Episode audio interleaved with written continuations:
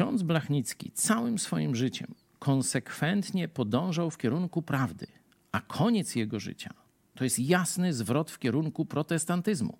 On to wskazał swoim ewentualnym uczniom i naśladowcom. Wybierzcie wierność Jezusowi i Jego Słowu. Wybierzcie drogę protestancką.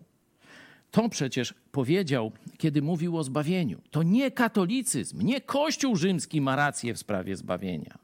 To protestanci mają rację.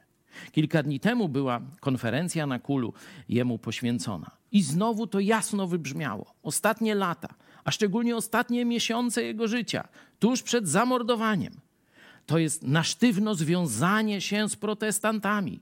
On chciał, żeby literatura protestancka zalała Polskę. On chciał, żeby Polska stała się protestanckim, chrześcijańskim krajem. To jest prawdziwe dziedzictwo księdza Blachnickiego.